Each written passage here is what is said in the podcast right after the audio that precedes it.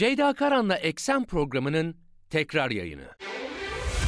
Dünya kadar mesele, dünyanın tüm meseleleri. Ceyda Karan, Eksen'de dünyada olup biten her şeyi uzman konuklar ve analistlerle birlikte masaya yatırıyor. Dünyadaki meseleleri merak edenlerin programı Ceyda Karan'la Eksen hafta içi her gün saat 16'da Radyo Sputnik'te.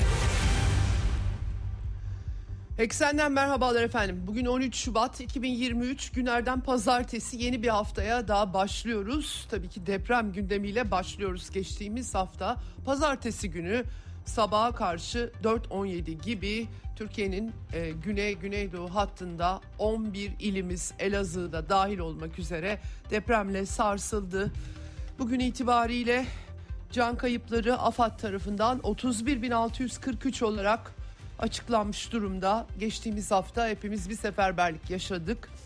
Ben de buradan eksenden dünyada dünyadaki yankılarını, dünyadan Türkiye'ye yağan yardımları, açıklamaları size aktarmaya çalıştım.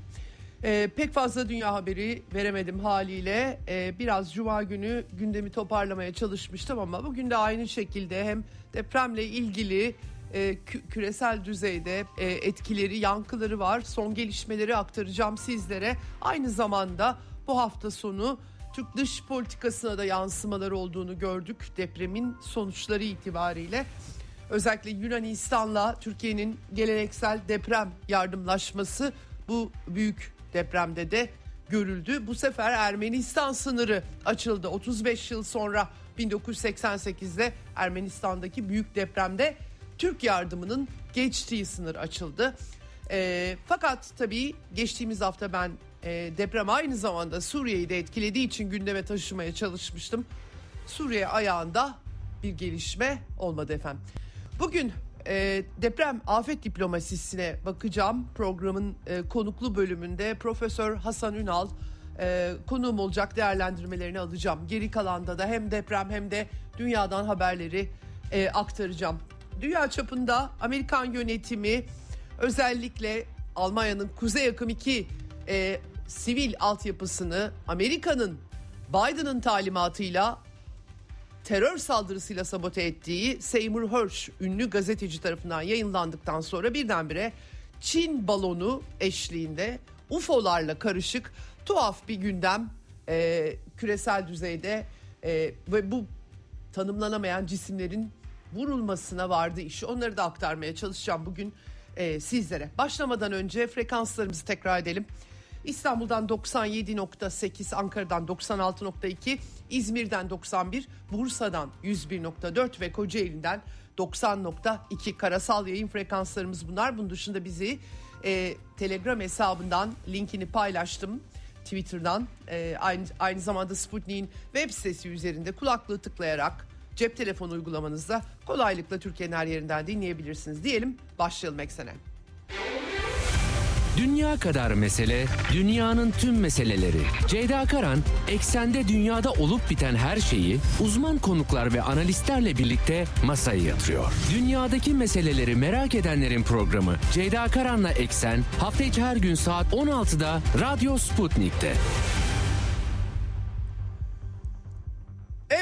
Bu sabah itibariyle bir haftalık seferberliğin ardından e, karşımızda 31.643'lük bir kayıp var. E, 31.643 insanımızı depremde kaybetmiş durumdayız. 158.165 insan bölgeden tahliye edilmiş durumda.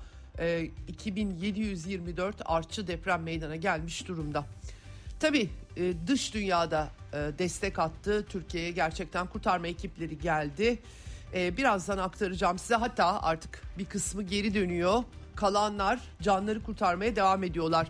En son 178 saat sonra 70 yaşında Nuray Gürbüz 3 katlı binanın enkazından sağ çıkartıldı mucizeler de oluyor. Rus ekipleri, Belarus ekipleri, Kırgız ekipleri çalışmalarına devam ediyorlar. Onlar da 160. işte 170. saatlerde canları kurtarmaya devam ettiler.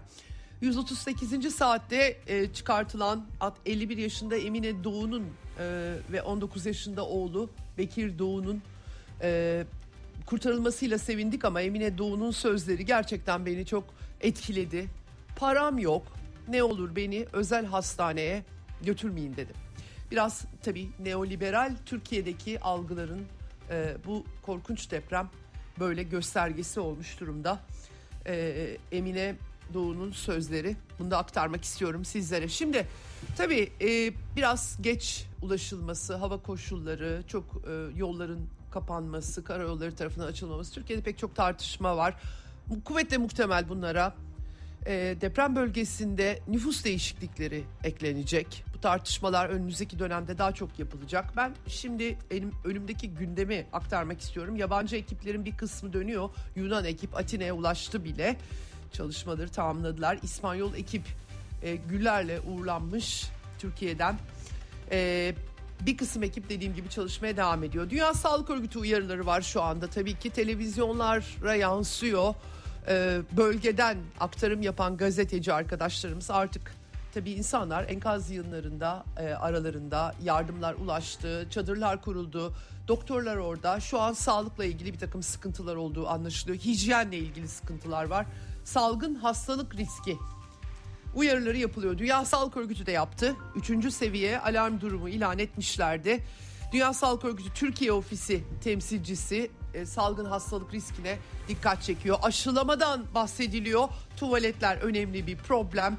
Dolayısıyla geçen hafta seferber olan Türkiye'nin bir de tuvalet seferberliği yapması e, gerektiği anlaşılıyor. Böyle bir görünüm var. BM'nin acil yardım koordinatörü Martin Griffin e, bölgeyi dolaşıyor. Suriye'ye de gidecek. Aktaracağım Suriye ile ilgili gelişmeleri birazdan. Bu depremin son 100 yıl içinde yaşananların en kötüsü olduğu tespiti yapmış. Can kaybının iki katına çıkmasından bahsediyor. Maalesef çok daha yüksek e, öngörüler var. Aktarmak istemiyorum yine sizlere ama resmi sayıları veriyoruz biz. E, Martin Griffiths de aynı şekilde iki katına çıkmasından söz etmiş durumda. Birleşmiş Milletler 3000 çadır e, Adıyaman e, şey, e, pardon sadece Adıyaman değil tabii ki başka illere de götürülecek 3000 çadır kışlık çadır tabii burada önemli herkes ona dikkat ediyor. Suriye'yi de aktaracağım birazdan ama BM şimdiden Suriye'de 5.3 milyona yakın insanın depremden sonra evsiz kalmış olabileceğini açıkladı. Mülteciler Yüksek Komiserliği'nin açıklaması bu da. Evet şimdi tabii bütün bunlara karşı bu insanlar nereye gidecek? Akrabalarına gidenler var. Hatay artık zaten hayalet kente dönüşmüş durumda. O yüzden demografi meselelerine özellikle bulunduğu bölgenin de hassasiyetini dikkate almak lazım diye düşünüyorum. Ee, dışarıdan sahra hastaneleri geliyor tıbbi yardım için. Çadırlar geliyor. Ee, Azerbaycan Türkiye'ye en büyük yardımı yapan ülkelerin başında geliyor. İkinci Sahra Hastanesi'nde kurmuş durumdalar onlar. Rusya aynı şekilde yardım uçakları gitti geldi gitti geldi. Ee, Ruslar böyle Batılılar gibi çok PR düşkünü değillerdir. Böyle yaptıkları yardımı da e, herkesin gözüne sokmak sokmayı zul görürler. O yüzden çok fazla yankılanmıyor olabilir ama sahadalar hatta köylere kadar ben Telegram kanallarında gördüm köyler, e, kasabalar, köyler konuşuluyor. E, yeni yardım uçakları geldi, e, buralara gidildi. Bir de e, üç e, Türkiye'de tedavi gören bir Rus çocuk ve annesi hayatını yitirmiş Alim Kablan ve Eylem Kablan. E, tedavi için e, Maraş'talarmış e, anladığım kadarıyla. E, onların da e, çıkartıldığı belirtiliyor. Sahra hastaneleri Rusya'nın kurduğu e, bunlar çalışmalara devam ediyorlar e, onlarca insana tıbbi yardım sağladılar. Çeçenya'dan Rusya Federasyonu'na bağlı Çeçenya'dan da 6 insani yardım uçağı gönderilmiş vaziyette. Yani, e, Enformasyon Bakanı Ahmet Dudayev açıklamalar yaptı bu konuda. Belarus'tan yine aynı şekilde hala çalışıyorlar. Acil Durum Bakanlığı'na bağlı birlikler en az 3 kişiyi hafta sonunda 29'da maalesef cansız beden çıkartmış durumdalar. Çıkarttılar. Küba'dan 32 kişilik sağlık ekibi Türkiye'ye ulaşmıştı. Onlar da e, çalışmalara başlayacaklar. Özellikle tıp alanında Küba'nın Küba'nın Küba'nın dünyada ünlü olduğunu biliyoruz. Onlar da e, deprem sonrası sağlık hizmetlerinde eminim önemli rol oynayacaklar. Çin yeni araba kurtarma ekibi de gönderdi bu hafta sonunda. Kazakistan'dan yine çalışmalar devam etti. Özbekistan Hatay'da Sahra Hastanesi kurdular. Pakistan tırlarca 16 tırdan bahsediliyor en son yardım yolluyorlar e, hava, kara, deniz köprüsü e, üzerinden. Taliban da 940 bin Türk lirası yardım yapmış durumda. Afgan Kızılay'ı depremzedeler için malum biliyorsunuz Batı'nın enkazına çevirdiği Afganistan'ın Taliban'ı daha sonra 20 sene sonra Taliban'a Taliban'la savaşıp Taliban'a bırakıp Amerikalılar çekip gitmişlerdi. Gürcistan Türkiye'ye 5 tır yardım yollamış vaziyette ama bizim dikkatlerimiz birazdan bağlanacağız bir 10 dakika kadar sonra ee, Hasan Hoca'ya Profesör Hasan Ünal'la konuşacağım. Türkiye-Ermenistan sınırı 35 yıl sonra depremzedeler için açıldı. İlk defa Iğdır'ın Karayonlu ilçesinde bulunan Alican sınır kapısı hep konuşulur. Türkiye-Ermeni Ermenistan ilişkileri açısından e, tır geçişi Spitak bölgesinde Ermenistan'ın bu e, e, bir deprem gerçekleşmişti 1988'de. O Spitak deprem, depreminden sonra da bir ilk defa ilk gidenlerden birisi Türk Kızılay'ıydı. Yardım o dönem Sovyetler Birliği dönemiydi. Ermenistan Sovyeti e, Sovyetler Birliği'ne bağlıydı. E, Türkiye e, elini e, aç yardım elini uzatmıştı Ermenistan'a 35 sene sonra tersi oldu ve 5 tırlık yardım Alican Köprüsü'ne getirildi Ermeni heyet tarafından işlemlerden sonra deprem bölgesine hareket etti. Paş'ın yanında Cumhurbaşkanı'nı aradığını aktarmıştım ben size. Şimdi tabii e, biraz e, komşularla ilişkiler de son 10 senede feci bir duruma geldiği için işte bunları toparlamak için bir takım adımlar da atılıyor. Ermenistan ayağında afetin böylesi bir etkisi oldu. Birazdan Profesör Hasan Ünal'la da konuşacağız bunu. Yunanistan aynı şekilde Yunan ekipleri Türkiye'den ayrıldılar. Atina'ya ulaştılar bile çok yakın tabii ki. Açıklamalar yaptılar e, daha öncesinde. E, sadece arama kurtarma değil tabii Yunanistan'da da bir seferberlik hali gözleniyor. En son Meis adasından sevgili komşu bizim de yüreklerimiz yıkıldı. Ee, aynı toprağı, aynı havayı, aynı güneşi paylaştığımız kardeşlerimize elimizden ne geliyorsa diyerek e, hem Meis Castellerizo diye anarlar onlar yardım deprem yardımı Kaş Kaymakamlığı aracılığıyla ulaştırmış durumdalar. Tabi hafta sonunda afet diplomasisi Türkiye'nin çok kısa süre öncesine kadar tabi Ege'de e, kayalıkları, adacıkları silahlandıran bir Atina vardı ve Türkiye'nin de tepkileri vardı. Bir gece ansızın gelebiliriz diyordu Türkiye hükümeti. Gelen Yunan Dışişleri Bakanı Nikos Dendias oldu. Adana'ya indi. Oradan Hatay'da Dışişleri Bakanı Çavuşoğlu ağırladı kendisini. Temaslarda bulundular, açıklamalar yaptılar. Deprem dayanışması 1999'da çok kısa süre aralıklarla önce Türkiye ardından Yunanistan'ı vuran depremlerde bir yardımlaşma olmuştu. Bu yüzden geleneksel olarak diplomasi e, maalesef diyeceğim afet dönemlerinde e, olumlu bir nitelik kazanıyor. Bu da onlardan birisi gibi gözüküyor. Yapılan açıklamalar ona işaret ediyor. Çavuşoğlu e, teşekkürlerini iletti. Aynı zamanda 1999 depreminde kendisinin bir siyasetçi olmadığını gönderdiği okuyucu mektubunun Times dergi Time dergisinde pardon yayınlandığını söyledi. Bugün Dışişleri Bakanı olarak Yunanistan'ın yardımına Türkiye'nin koşmasından duydukları memnuniyeti dile getirdi. Umarım görüş ayrılıklarımızı diyalog yoluyla samimi biçimde e, çözeriz dedi. E, şükranlarını sundu. Dendias da aynı şekilde ilişkilerin düzelmesi için depremi beklemeye gerek olmadığını söyledi. Yani işin Türkçesi bu, doğrusu bu ama öyle olmuyor işte gerçek hayat maalesef. E, e, Avusturya ve Hollanda ekiplerinin kurdukları çadırları ziyaret etmişler. Bir ara ara vermek durumunda kalmışlardı. Alman ekipti yanılmıyorsam Avusturya ile ilgili de böyle haberler gelmişti. Güvenlikle ilgili sıkıntılar oluyor maalesef deprem bölgesinde. Bu çadırları ziyaret etmişler. Güvenlik de sağlanmış zaten. E, memnuniyetlerini dile getirmiş. Avrupa ülkelerinden gelen yardımlara da dikkat çekmiş kendisi. E, ve e, Yunanistan'ın bu zor günleri aşmasında Türkiye'ye yardımcı olmasından bahsetmiş. Yunan ekipleri 205 insanı enkaz altından e, kurtarmışlar. E, bunları bunun bilgisini de paylaştılar. E, ve e, buradan tabii yeni bir e, e, deprem e, afet diplomasisi olumlu sonuçlar verecek mi bunu göreceğiz. Yunanistan'da da seçimler olduğunu anımsayalım. Henüz siyaset gündemine giremiyoruz ama.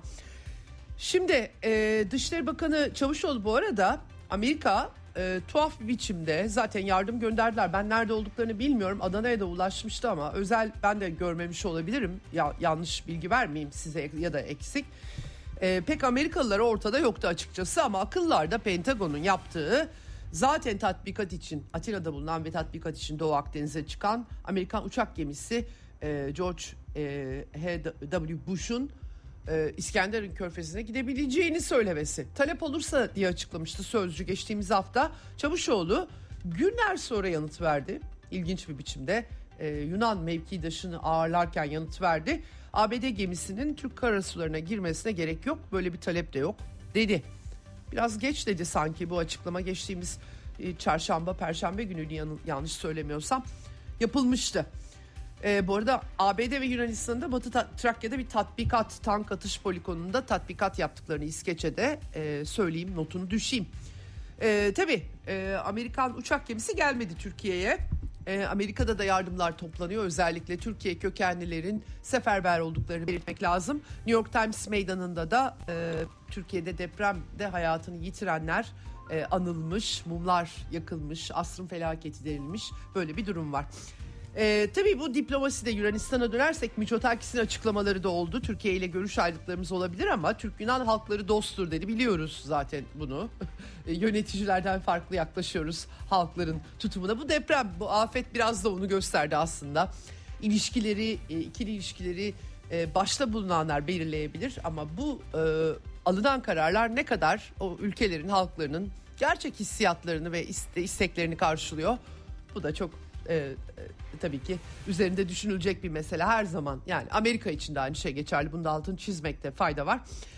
Şimdi e, Miçotakis tabii e, Yunanistan'ın etkinliğine atıf yaptı. Erdoğan'la e, temasına e, her türlü yardım için hazır olduklarına atıf yaptı.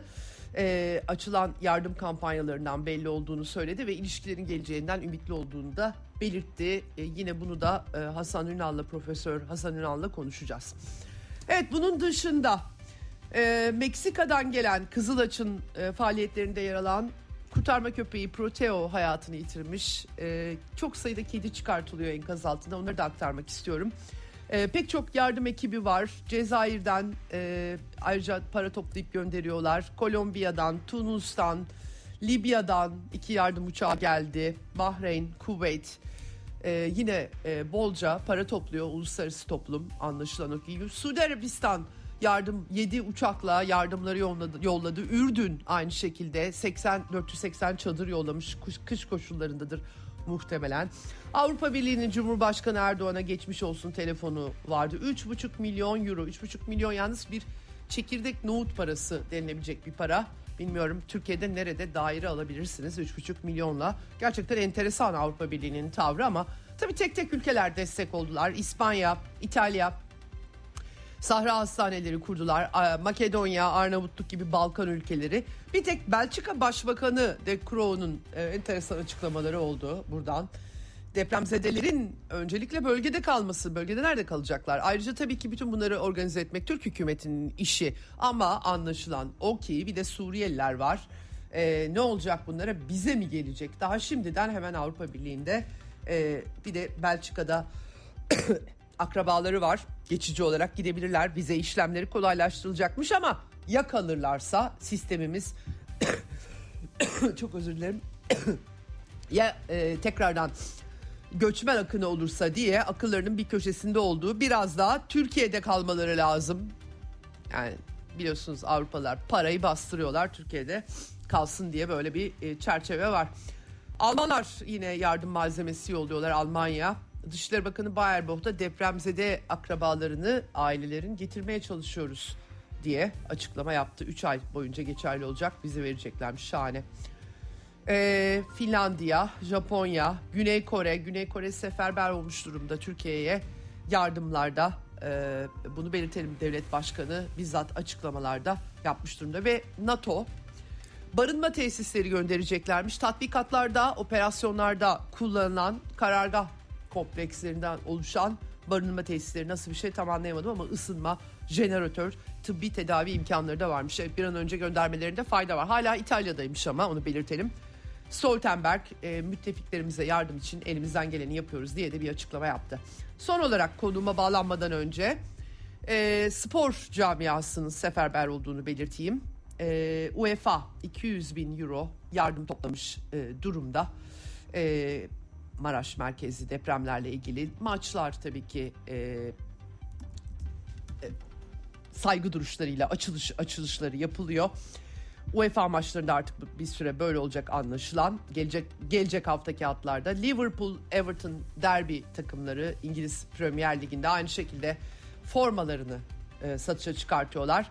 E, 1 milyon sterlinde bağış toplamış Premier Lig ve son olarak Amerikan Futbol Ligi Super Bowl'da da e, özellikle depremle ilgili e, hayatını kaybedenler anılmış dünya spor camiası da bu şekilde bir destek halinde e, diyelim. Ama ee, Suriye öyle değil. Geçtiğimiz hafta uzun uzun konuştuk. Birazdan e, Profesör Hasan Ünal'la da konuşacağız. Ambargoyu kaldırmış gibi yapan Suriye'de depremden bunca etkilenmesine rağmen BM'nin dediği gibi 5.3 milyon insan evsiz kalacak.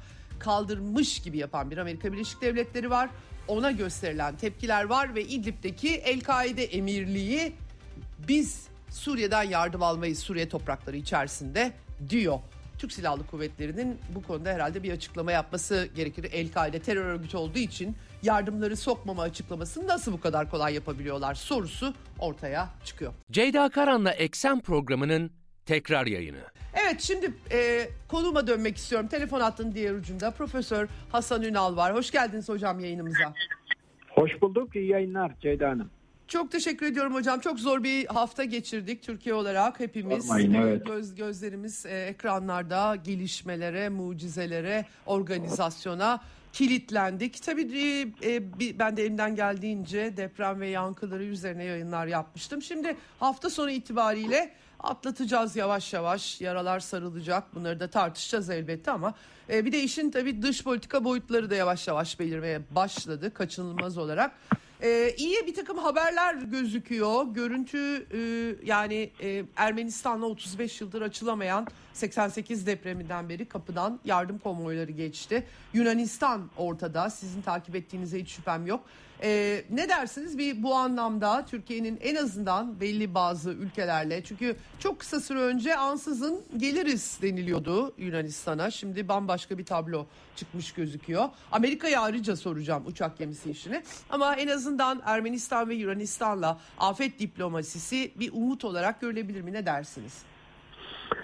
Şimdi Yunanistan'ın e, Türkiye'ye depremden dolayı e, e, işte şey kurtarma ekipleri göndermesi, bir miktarda yardım göndermesi çok şaşırtıcı değil.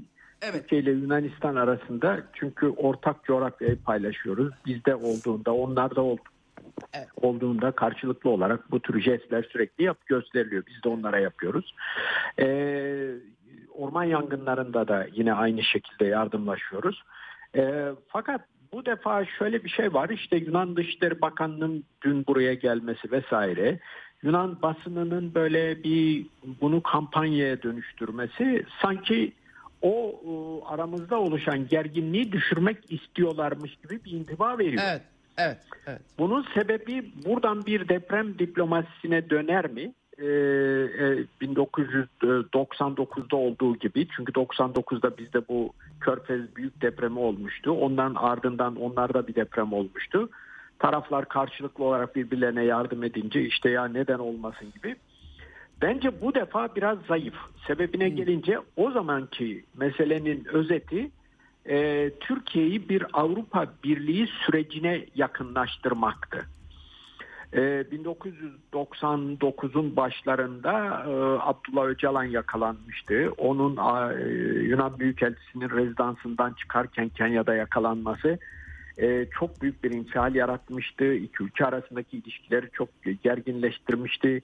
Ve Türkiye'yi Avrupa Birliği sürecinin içine çekerek Türk-Yunan ilişkilerini nin üstesinden gelme çabası vardı o sırada. Avrupa Birliği'nin de hmm. politikası buydu. Yunanistan'ın politikası da buydu. Yunanistan'da Dışişleri Bakanı olan Yorgos Papandreou e, çünkü o, o şey e, Abdullah Öcalan krizi üzerine Eski Dışişleri Bakanı Pangalos istifa etmek zorunda kaldı. Dört bakanı görevden aldı. Başbakan Simitis o zaman filan. O hı hı. ayrı bir süreçti. Şimdi ise bizim Yunanistan'la birebir oturup ikili müzakere etmemiz gereken sorunlarımız var. Artık Avrupa Birliği süreci, çerçevesi falan Türk-Yunan sorunlarının çözümüne ilaç değil. Faydalı hı hı. da değil, tam tersine hı hı. zararlı da e, hı hı. şey getiriyor. Yunanistan'ın Türkiye'ye karşı adeta dikleşmesine, öğretmenlik yapmasına, eğer Avrupa Birliği'ne girmek istiyorsan şunlar şunlar yapmak zorundasın demesine. Hı hı. Öte yandan Avrupa Birliği'nin Türkiye'yi almak istemediği bariz açıkken e, evet. o halde yani bu bu bu da bu bu defa bana pek e, şey gelmiyor. Ama en Peki. azından e, yani riskleri e, azaltma açısından bir şey olabilir gibi geliyor. Evet. evet. Peki Ermenistan e, yani e, Ermen Paşinyan'ın çünkü çok sıcak yaklaştığını Erdoğan'a görüyoruz hepimiz. E, bu bir fırsat olabilir mi? 35 yıl sonra da açılması e, ilginç tabii. Yani tabii doğal aslında olması gereken olarak ben algılıyorum böylesine insani durumlarda ama e, genelde de olmamış bir sürü deprem deprem yaşandı e, nihayetinde. Valla bu da yani sınır kapısının açık kalması işte. bağlamında söyleyeceğim. Yani hep açılması konuşulur ya e, bu anlamda. Şimdi sınır kapısının açılmasını oluşturan şartlar var bizde. Hı hı. O şartlar hani Azerbaycan'la Ermenistan arasındaki bir barış sürecine bağlı şu anda. Evet. Eskiden Azerbaycan'ın işgal altındaki topraklarının e, evet. e, Azerbaycan tarafından geri alınması şartıydı. Bu büyük hı hı. ölçüde gerçekleştirilmiş durumda. Her ne evet. kadar bazı toprakları tam Azerbaycan egemenliği altına girmemişse de. E, şimdi ise şöyle çelişkiler var Ermenistan'ın politikasında. Bir yandan Paşinyan Ermenistan'ı Avrupa'ya ve Amerika'ya yakınlaştırmak istiyor. Yani sadece Rusya ile ilişkileri olan bir ülke olmaktan çıkarmaya çalışıyor. Zaten bütün amacı da buydu. Evet. Fakat bunu yaparken Avrupalılardan laf desteği alıyor. Özellikle Fransa'dan. Bir de Amerika'daki Ermeni lobisinden. Şimdiki bu Biden yönetimi birçok konuda Türkiye karşıtı, Türk karşıtı olduğu gibi bu konuda da e, laf olsun diye de bir şeyler söylüyor Ermenistan lehine. E, şimdi ama aynı zamanda aynı Ermenistan şu anda büyük ölçüde İran'la işbirliği yapıyor. Oradaki Hı. Zengezor koridorunun önlenmesi, o konuda işte mümkün mertebe ayak sürmesine imkan tanınması falan gibi konularda. Dolayısıyla iç içe bir sürü çıkmaz var orada. Bütün bunlar e, bu e, Ermenistan tırlarına e, Türkiye'nin sınır kapılarını e, açması, e, karayolunu kullandırmasıyla sona erer mi? Bana pek Hı-hı. şey gelmiyor ama şöyle Hı-hı. olabilir. Hani burada başlayan bu süreç hızlı görüşmeleri hızlandırabilir. Ermenistan'la Azerbaycan arasında bir barış anlaşmasına ihtiyacımız var. Bu da imzalanırsa zaten Türkiye ile Ermenistan arasındaki sorunlar epeyce azalır. Evet. Belki bir noktada bir protokol imzasına gider bu iş. İyi de olur. Yani çünkü Türkiye Sovyetler, dağılan Sovyetler Birliği'nden bağımsız olan bütün ülkelerle daha önce Sovyetler Birliği ile Türkiye arasında oluşmuş olan müktesebatın tanındığına dair bir e, genellikle bir e, mutabakat metni imzalıyor. Bu bir karşılıklı nota teatisi şeklinde de olabiliyor. Hı hı. Bu Ermenistan'la da yapılabilir. Yani böylece Ermenistan işte Türkiye'nin de toprak bütünlüğünü tanıdığını söyleyebilir. Buradaki çok paradoksal bir şey ama Ermenistan Türkiye'nin toprak bütünlüğünü tanımama eğiliminde olan taraf ülke. Evet. Dolayısıyla buradan belki bir miktar iyi beklenti içinde olunabilir ama çok da fazla olmamak lazım. Hı hı. Çünkü dediğim gibi e, Ermenistan kendi içinde bayağı bir sıkışıklık yaşıyor bütün bu konulardan dolayı. Evet. E, ve artan bir oranda İran'a yaslanmaya çalışıyor. Bu da doğru bir siyaset değil. İran yeterince destek veremez. Ee, İran'ın zaten başı Batılılarla İsrail'le e, epeyce e, dertte. Ee, evet. Yani e, öte yandan e, işin garip taraflarından bir tanesi aynı Paşinyan hem e, Batı'yla iyi ilişkiler kurmaya çalışıyor hem de İran'la. Bu da e, Batılılar açısından enteresan bir durum. Evet. Yani Peki hocam. Evet. Ermenistan işte Türkiye ve Azerbaycan karşıtı diye işte Fransa'dan ve diğerlerinden e, sözlü de olsa bir takım destekler alıyor. Evet. Peki hocam e, Amerika'ya nasıl e, yani Amerika ile ilişkileri bir müttefiklik ilişkisi nihayetinde e, fakat e, bu deprem vesilesiyle bir biz şu uçak kimisini bir gönderelim dediler. E, Dışişleri Bakanı e, nihayet aradan kaç gün geçti bilmiyorum ama gerek yok böyle bir şeye e, açıklaması yaptı. Nitekim gelmedi de yani İskenderun Körfezi'nde. E, tabii Türkiye kamuoyu da hassas. E, bu, bu, bunu nasıl görmek lazım? E, yani e, Amerikalılar e, çok da içinde depremle ilgili böyle yardım malzemesi falan olmadığı da söylenen bir uçak gemisini Niye yollamak istediler sizce? Valla bence bir gövde gösterisi veya işte bir bayrak gösterisi gibi bir şeylere odaklandılar herhalde. Hmm. Yani e, bu Millennium Challenge'daki senaryo çerçevesinde gelip de Türkiye'yi bir deprem vesilesiyle işgale kalkışacakları Yok canım yani. düşünmüyorum yani ama e, e, Amerika'nın bu yani dış politikayı planlama uygulama konusunda yaptığı hatalar da az değildir. Mesela Türkiye'den böyle bir talepte bulunması isterseniz gönderelim demesi e, Türkiye'deki Amerikan karşıtlığının ne boyutlarda olduğundan haberdar olmaması anlamına geliyor. Yani evet, ya da ciddiye evet. almaması gibi. Yani evet. şu anda e, Türkiye'de hiçbir hükümet böyle bir hmm. Amerikan talebine olumlu bakmazdı. Evet, yani evet. bu hükümet değil başka bir hükümette olsa, olsa böyle bir şey olumlu olurdu. bakmazdı yani evet. Peki. Depremle de ne alakası var uçak gemisinin yani? İşte ne bileyim kimileri yok hastane hastane falan diyorlar ama ben anlam veremedim doğrusu yani. Bizim Askerler daha iyi biliyor bu işi. Evet. Bizim o kadar çok donanma gemimiz var ki içinde hastaneleri var, her şeyi var. Yani tekim o gemiler yanaştı zannediyorum şu anda İskenderun'a. Evet, evet. Ve biraz, başladılar evet. da çoktan. Evet. Peki hocam şimdi gelelim buradan son olarak e, vaktimiz daralıyor çünkü Suriye'ye. E, yani e, 35 sene sonra e, Ermenistan'la bile yardım en azından yardım geçmesi için kapılar açıldı ama e, El-Kaide, e, Heyet Tahrir Şam biz yardımları engelleriz de diyor. E, resmen e, ABD destekli El-Kaide'nin BM nezdinde El-Kaide'yi meşrulaştırma süreci var ama Ankara bunca çağrı yapılmasına rağmen mesela Yayla Dağı'ndan Suriye hükümeti ya da havadan e, herhangi bir adım atmadı. Yardımların bir kısmının aktarılması bakımından. E, bir Suriye diplomasisi vardı öncesinde. Bu faydalanılamaz mıydı? E, ortak e, kader gibi gözüken maalesef e, böylesi bir depremden. E, neden adım atılmadı herhangi bir biçimde? Neden bir e, birkaç tır yardım gönderilmesi e, Halep, Laskiye hattına, Kesebe, Tartus'a neden düşünülmedi sizce? Valla çok güzel bir soru. Bunu ilgililere sormak lazım. Yani bu Suriye diplomasisi niye savsaklandı e, belli bir süredir? Oysa Cumhurbaşkanı Erdoğan bu konuda çok da e, kararlı ve samimi olduğunu birkaç açıklamasıyla beyan etti. En son e, Dışişleri Bakanı Mevlüt Çavuşoğlu'nun e, Moskova'ya gidip Suriye Dışişleri Bakanı ile görüşmek yerine Amerika'ya gittiği or, e, Ocak ortalarından sonra yine Cumhurbaşkanı Erdoğan bir açıklamasında yani bu e, Türkiye, Suriye ve Rusya üçlü görüşmesine gerekirse İran'da katalım.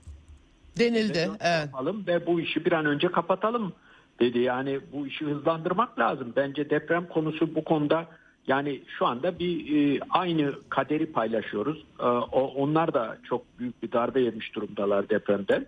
Yani biz kendimiz belki doğrudan yardım edemeyebiliriz ama yardım edenlere neden şey demiyoruz? Yani eğer bizim bir kısmı göndermek istiyorsanız evet. yani biz bu ya kendiniz biz hava sahamızı kullandıralım e, Suriye'ye doğrudan gönderin.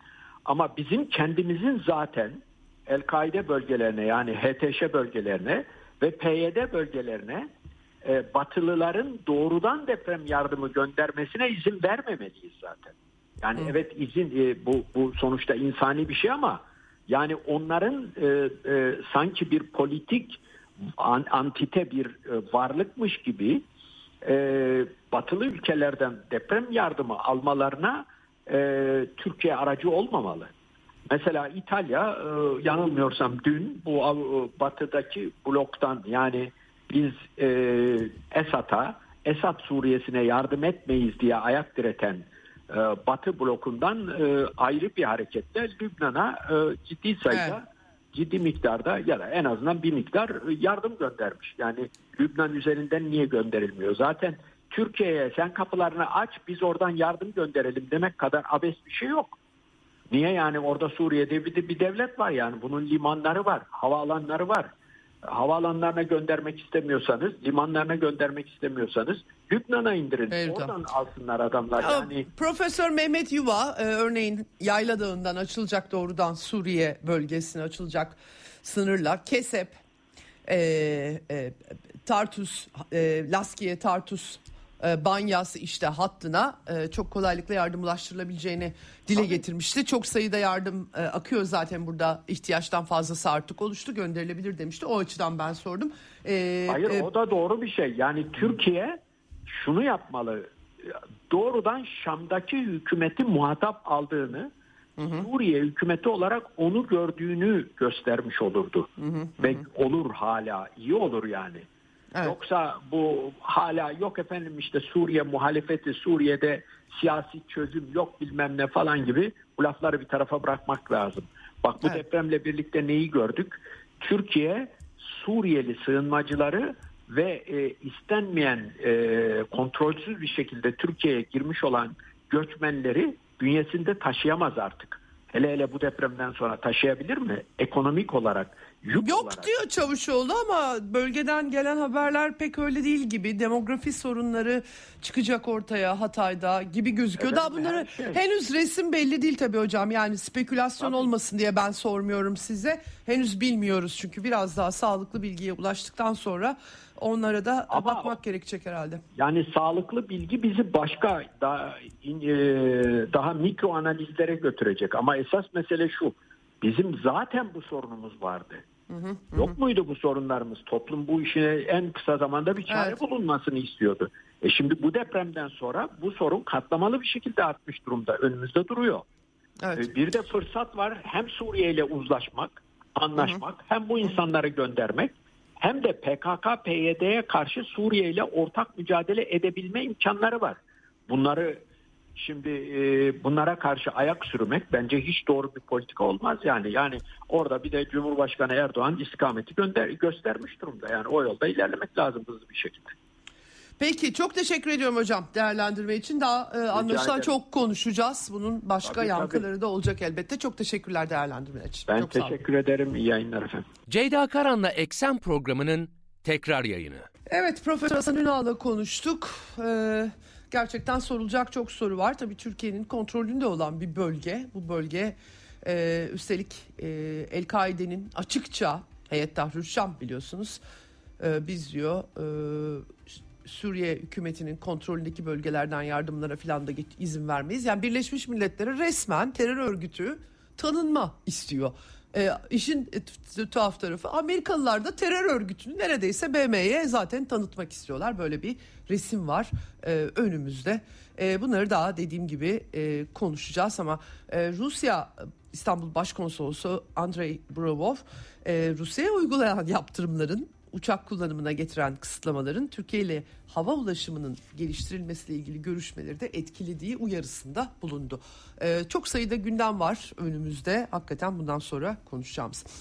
Ee, kalan e, yaklaşık bir 10 dakikam var. Ee, 10-15 dakikada biraz da dünya aktarmak istiyorum. Çünkü önemli gelişmeler de var. Ukrayna çatışması etrafında sahada hareketliliğin devam ettiğini belirtmek lazım. Ama e, Amerikan yönetimi ve Britanya'nın artık bu e, Ukrayna e, iç savaşında Rusya'nın müdahalesini tetikleyen sürecin hemen sonrasında Mart ayında İstanbul'da bu bir anlaşma olasılığı ortaya çıktığında bu konuda bunu baltaladığı netleşmiş durumda. Bizzat batılı yetkililerin açıklamalarıyla en son İsrail'in eski başbakanı Naftali Bennett Ukrayna e, yönetimi çok kızdı ona bu ifşaatlarda bulunduğu için ama alenen Britanya ve Amerika'nın anlaşmayı yaptırtmadığını Zelenski ile konuştuğunu. işin magazini yayıldı daha çok. İşte Putin'le konuştum onu öldürecek misin diye sordum. Hayır dedi e, söyleyince gitti korkmuyorum diye selfie çekti Zelenski falan gibi kuru gürültüye getiriliyor. Ama asıl diğer söyledikleri aslında Ukrayna'da savaşı zaten tetikleyenin Amerikalılar olduğunu darbeyle biliyoruz iç savaş tetikleyenin. Bir de üstelik ilk bir ayda çözülememesinin müsebbibinin de Britanya, Amerika, Anglo-Amerikan dünya olduğunu İsrail'in eski başbakanının sözleriyle artık netleştirmiş, somutlamış, olgusal olarak da somutlamış olduk. Şimdi tabii savaşı daha tırmandırma riski e, Kırım'ın vurulması için uzun menzilli füze sistemleri Amerika tarafından ve Britanya, Britanyalılar özellikle Harpun gemi savar füzeleri 240 kilometre menzilli ve Storm e, Shadow seyir füzeleri verebilir diye iddialar var. E, yıl dönümü yaklaşıyor 24 Şubat dolayısıyla e, diplomasi daha da hızlanacak gibi e, gözüküyor. E, 21 Şubat'ta Rusya Devlet Başkanı'nın e, sesleniş ulusal yıllık sesleniş konuşmasını yapacağı açıklandı. Ne tesadüf Türk'ü Amerikan Başkanı da Polonya'ya gidecek bu e, günde 21 Şubat kritik bir gün olacakmış gibi gözüküyor. Bir de üstelik öncesinde Amerikan yönetiminin Kuzey Akım 2 e, boru hattını yani Rusya ve Almanya arasındaki stratejik önemdeki altyapı tesisini vurduğunu faili aslında herkes biliyordu. Açıklamalar yaptılar. Ne kadar memnun olduklarını da dile getirdi Amerikalılar ama Seymour Hersh bizzat operasyonel planlamada yer almış bir kaynağa dayanarak yazdı ve ortalık biraz karıştı. Amerikalılar reddettiler. Çok rahatsız olduklarını açıkladılar. Ee, e, Sergey Lavrov zaten hani zaten söylüyorlar bunları memnuniyetlerini de dile getiriyorlar. Dedikten sonra Rusya'nın enerji kaynaklarının Alman teknolojisiyle e, birlikte güçlü bir ittifak ortaya çıktığını gördüler ve bunu yok etmek için bu savaşı çıkarttılar demiş. E, bunun işaretleri de açıkçası çok e, net olarak ortada. Fakat tabii bu Kuzey Akım 2 Almanların tepki göstermesi gereken bir şey düşünebiliyor musunuz? Türkiye'nin mavi akım hattını bu şekilde Amerika'nın yok ettiğini. Çok acayip bir durum ortaya çıkıyor. E, nitekim e, eski Bundestag üyesi, Alman parlamentosu üyesi Jürgen Todenhofer açıklama yapmış. Eğer demiş e, bunu biraz gizleyip saklayıp e, Seymour Hersh sanki basit bir komplocuymuş. Adam ünlü polisler e, polisler ödüllü bir gazeteci, araştırmacı gazeteci. o kadar komik küçümsüyorlar ki. Neyse e, Jürgen Todenhofer demiş ki eğer Seymour Hersh'ün e, Amerikalı gazetecinin e, haberi doğruysa Amerikalı donanma e, dalgıçları öncesinde patlayıcıları yerleştirip bu işi yaptılarsa Norveç'in işbirliğiyle bu NATO'nun sonu anlamına gelir dedi. Bilmiyorum Almanya'da bu görüşü paylaşan daha başka kimler var ama e, ben Almanya vatandaşı olsaydım bu nasıl iş derdim dediğim gibi bizim mavi akım boru hattımızı Amerika'nın bombalaması gibi bir şey sırf Rusya ile ilişki olmasın kurmasın diye böyle bir resim çıkıyor ortaya gerçekten çok e, acayip. Evet e, bir yandan da tabii bu e, diplomasi e, ayağı da devam ediyor. E, Rusya Dışişleri Bakan Yardımcısı Gruşko askeri kanallar NATO ile açık diye bir açıklama yaptı. Zaten Ukrayna ile müzakereleri açık olduğunu defalarca tekrarlamış durumda Rusya tarafı. Bakacağız e, 21 Şubat dediğim gibi e, kritik bir tarih olacak.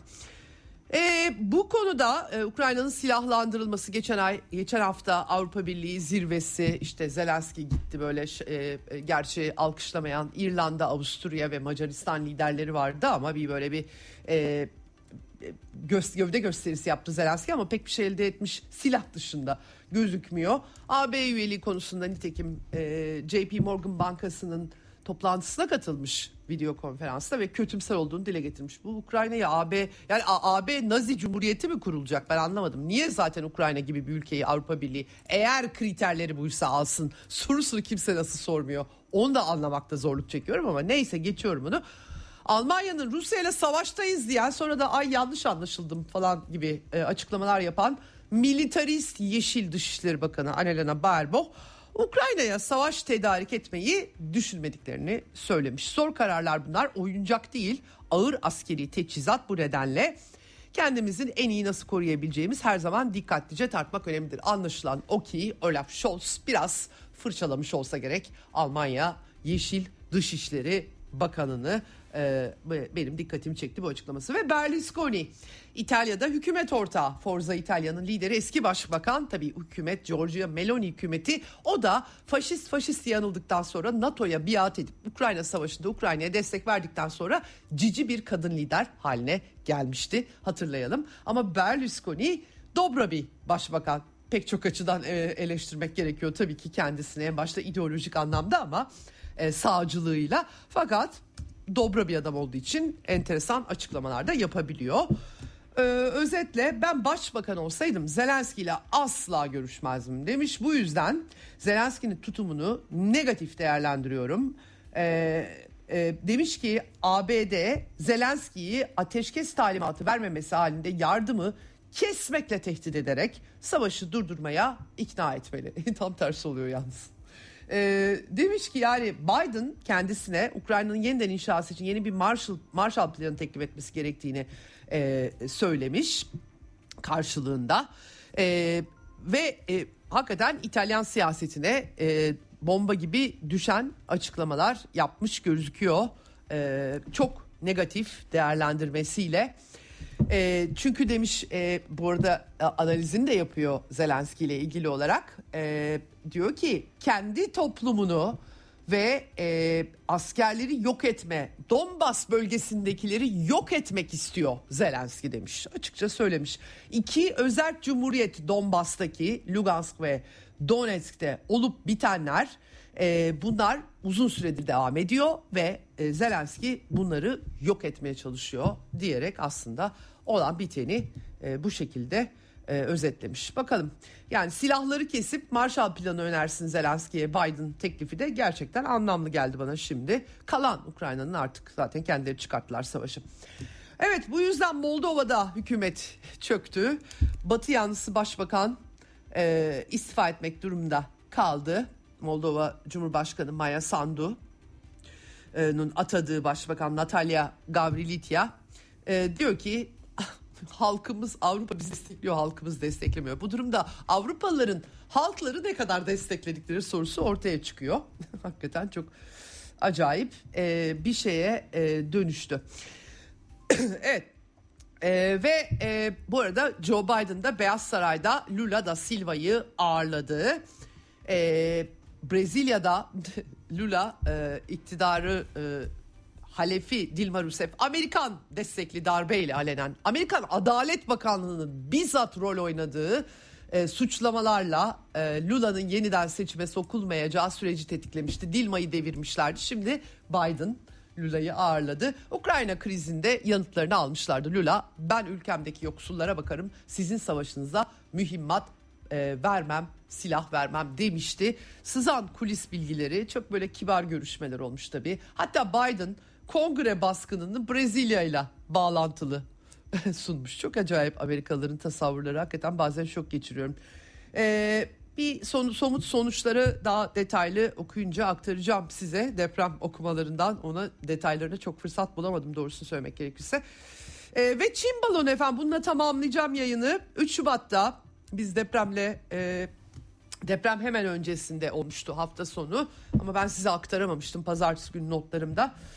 Ee, yüksek irtifa balonu, meteoroloji balonu 4 Şubat'ta e, önce Biden tabii icabına bakacağız dedi batılı kovboy. Sonra 4 Şubat'ta balon düşürdüler e, uygun bir biçimde Kuzey Carolina çıkışında deniz üzerinde Atlantik Okyanusu'nda F-22'lerle pahalı füzelerle. Çinliler tabii çok tepki gösterdi. E, hatta şirketleri balonun meteoroloji balonu e, sivil araştırma amaçlı rüzgarda sürüklendi. Bu tabii ki Çinlilerin söylediği şey. Aksini ispatlayacak bir kanıt ortada var mı? Yok. E, çok da yüksekte 60 bin fitin üstünde. Aslında e, uluslararası sular gibi bir şey yani o kadar yukarısı. Neyse e, 6 Çinli şirketi kara listeye aldı Amerikalılar.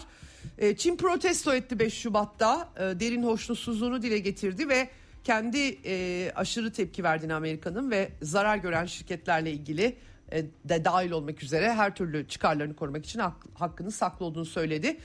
Şimdi Çinliler açıklıyor diyorlar ki Amerika'ya ait balonlar bunlar soğuk savaş teknolojisi artık uydular var bu arada. Ocak 2022'den bu yana yani bir yıl aşkın zamandır ondan fazla kez Çin hava sahasına girdi.